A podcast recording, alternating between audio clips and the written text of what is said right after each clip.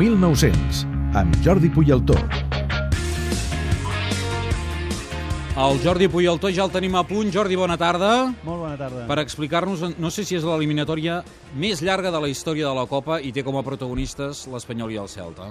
Doncs jo juraria que sí, jo juraria que sí. Ens tenim que remuntar la temporada 47-48 i a la Copa del Generalíssimo, no?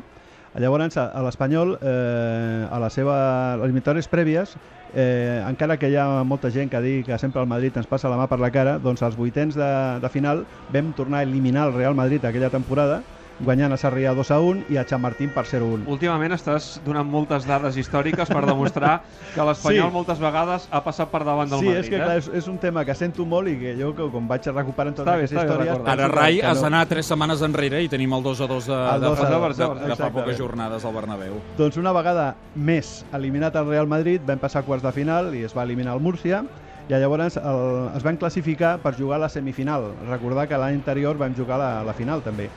Doncs bé, amb aquestes semifinals ens va trucar amb el, amb el Celta de Vigo que ens visita avui. Però clar, per saber qui va ser qui va ser el finalista, es van necessitar de quatre partits, dues pròrrogues i 420 minuts de joc per conèixer el finalista. No hi Espera, havia penals espera. o què? Eh, No, no hi havia, pina, no hi havia penals.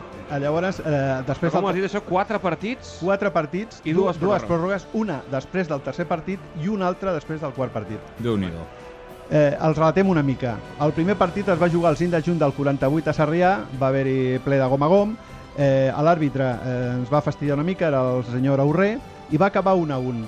Va ser un gol d'una mica de rebot, va un xut molt fort de Piquín que va entrar, però eh, l'anècdota és que aquest àrbitre va anul·lar un gol totalment legal a Mariano Veloy, que hagués representat el 2 a 1 i hagués estalviat tots aquests quatre partits. Una vegada acabat el primer partit, cal destacar que l'entrenador del Celta era don Ricardo Zamora aquella temporada, el, el diví.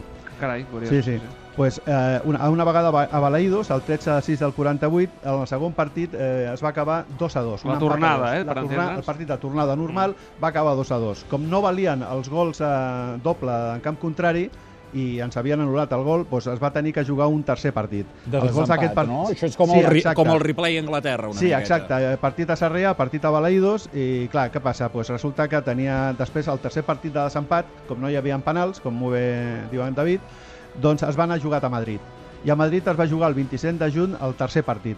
De tal manera que també van acabar 2 a 2, en gols de Fàbregas i Artigas. Una vegada 2 a 2, com no hi havia penals, es va tenir que fer una pròrroga. Aquesta pròrroga també va acabar 0-0 i es va tenir que fer un quart partit. Tres dies més tard, també a Madrid, el 30 de juny. Eh, aquest quart partit va acabar 0-0 el temps reglamentari. Va tenir que anar a la segona pròrroga i al minut 3 Marià Veloy va fer el 1-0 tothom pensava que, que, seria, que passaríem a la final però uns minuts després eh, el Celta va empatar 1-1 i quan faltaven 4 o 5 minuts que tothom veia que mm, po- podien anar a un cinquè partit.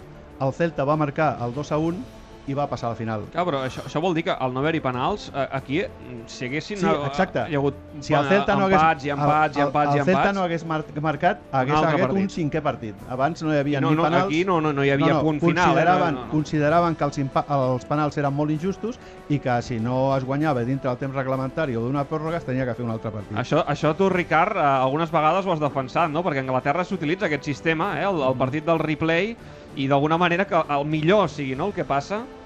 Sense Sempre. penals i amb replay, que és el que t'agrada a tu. Els romàntics és el que teniu. Un partit Sí. més, no? Doncs aquests Sí. quatre partits van, van acabar jugant 15 jugadors que m'agradaria anomenar breument són Trias, Casas, Carnicero, Fàbregas, Miarnau, Celma, Llimós, Bains, Veloy, Artiga, Rosendo Hernández, Montner, Piquín, Diego i Ricard. 15, part... 15 jugadors, 15 jugadors per aquests quatre per partits. aquests quatre partits. Imagino que Eh, el Celta devia arribar tan fos a la final que devia llapar segur. Exacte. Va arribar tan fos que l'estava esperant el Sevilla, el Sevilla guanya, va guanyar 4-1 molt fàcilment, i l'entrenador del Sevilla era don Patricio Caicedo, Ah. que va ser un, un jugador nostre, un defensa molt bo dels anys 20, i em sembla que encara és l'entrenador que té més partits com, com a entrenador de l'Espanyol, i una vegada guanyat ens va enviar un telegrama de felicitació per, Per haver-los desgastat. Per haver fet, exactament, sí, sí. I naturalment, com deies abans, eh, jo crec que aquesta eliminatòria és la més llarga de la història del futbol. Déu del futbol espanyol. Quatre partits i dues pròrrogues i a més en final trist per l'Espanyol perquè va passar Sí. al Celta, tot i que si Sí, sí. s'hagués classificat l'Espanyol, Mhm. aquella final també l'hauria guanyat el Sevilla de ben Sí, sí.